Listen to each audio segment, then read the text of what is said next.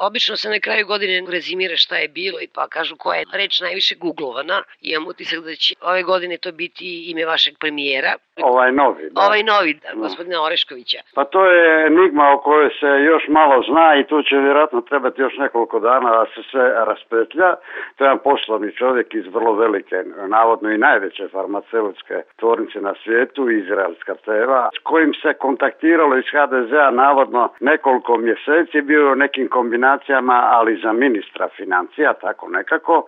I onda je u zadnji tren e, iskrsno kao mandatar za premijera, je to bio stjecaj okolnosti, proizašao iz pregovora. Ovi iz Mosta su cijelo vrijeme, ne baš cijelo vrijeme, ali pred kraj ipak insistirali na tom nestranačkom premijeru i tako se došlo do ovog e, Tihomira Oreškovića zapravo se pravi pobjednik ovih izbora i ne zna i ima, postoji jak osjećaj da su konačni rezultat izbora presudili ne birači nego nekakvi prikrivni centri moći iz sjene.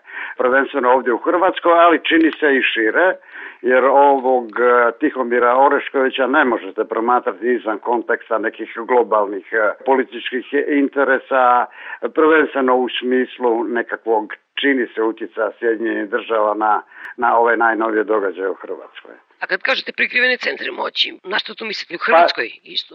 I u Hrvatskoj to je neosporno crkva koja naravno nikad ne istupa sasvim otvoreno, ali ovdje, je ono naprosto razgrnula zasor i pojavila se na sceni prvenstveno kroz ovu intervenciju sisačkog biskupa Vlade Košića koji je izdao svoju vrstnu fetvu protiv SDP-a i ovog mosta u trenutku kada je izgledalo E, da će te dvije stranke formirati koaliciju. A što se tiče vanjskih centara, pa to je sigurno nekakva međunarodna kapitalistička internacionala koja se ovdje pojavila kao jak igrač, ne bez e, nekih uzora. Slično ste vidjeli, ali je onda težište bilo u Brislu, u slučaju Montija u Italiji i Papademosa u Grčkoj. Tako da se čini da se ovdje događa nešto slično tome, a čak bi se moglo povući pa paralela uz sve rizike da nisu sve nijanse usporedive sa svojim dolaskom Milana Panića u, u tadašnju Jugo, e, Jugoslaviju. Nekako miriše na tu vrstu scenarija gdje je međunarodna zajednica što god to bilo u ovom milionom slučaju odlučuje presjeći gordijski čvor i izravno se uplesti u raspodjelu vlasti.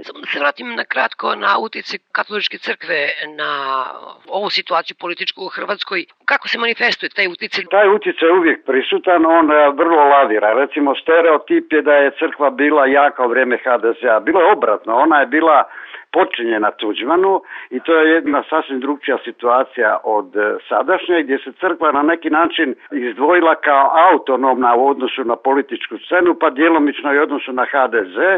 U neku ruku Karamarko je doista prepisao političku agendu od e, crkve i od radikalno desnih stranaka što Tuđman sebi nikad nije dozvoljavao. On je diktirao državotvornu agendu, svi su drugi morali to poslušno slušati uključujući crkvu.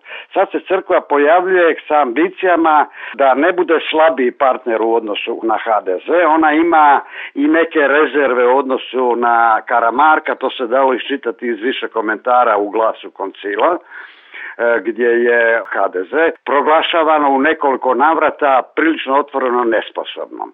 E sad e, se dogodio novi moment, a to je pojava Mosta koja je išla jako u prilog crkvi u smislu realizacije ovih ambicija da se pojavi kao nadmoćni faktor uključujući i nadmoć na HDZ-u, a to je pojava velim tog Mosta koji čini grupacija katoličkih lajka koji su e, blisko povezani s crkvom, ali ne potječu iz same crkve, mada ima nekih e, svećenika lokalne razine koji su s njima jako surađivali i onda je crkvi je olakšano da može i preko tog mosta utjecati na e, rasplet e, izbora i mislim da je to onda pomoglo da, da se pojavi jača nego na prethodnim izborima. Dakle, imala je kartu više, to je taj most.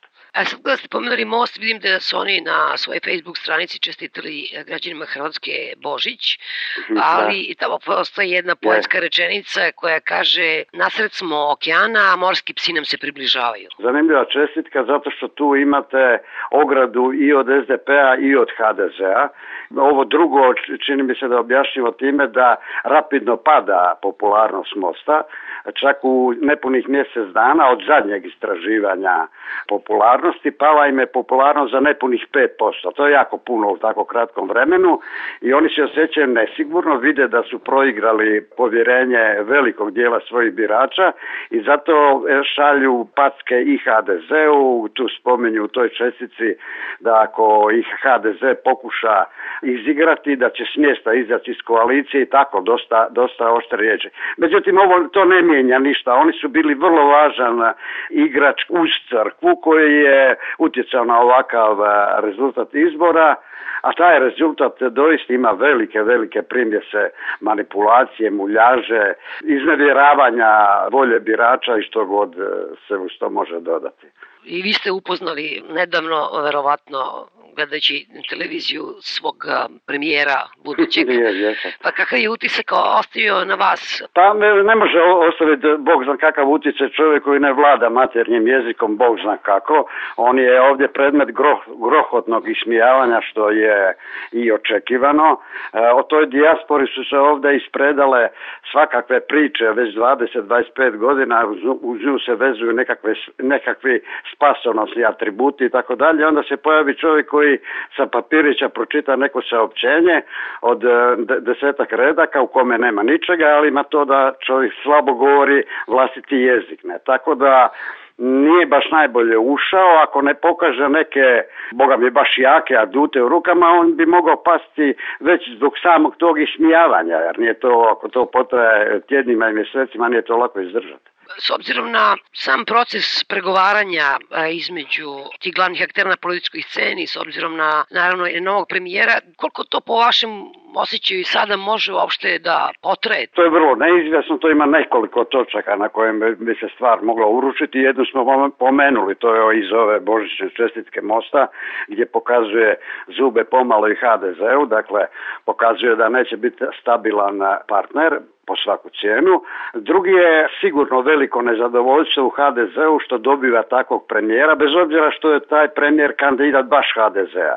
Međutim, HDZ do sad nikad nije morao pristati na tako ponižavajuću situaciju da premijera bira iz kruga koji nije u toj stranci. To je za njih strašno. Treba malo poznavati tu stranku, neku vrstu ovoga kolektivne svijesti koja je naprosto ovakve stvari doživljala kao poraz i poniženje. Tako da to druga točka. Vrlo je važno kako će se postaviti SDP. SDP ako ostane monolitan, što mislim da ima nekih preduvjeta, ali ima i preduvjeta da se možda poremete redovi iznutra. Ako ostane jaka opozicija, to bi također mogao biti element koji bi ugrožavao ovu vladu i činio još neizvjesnim njenu budućnost.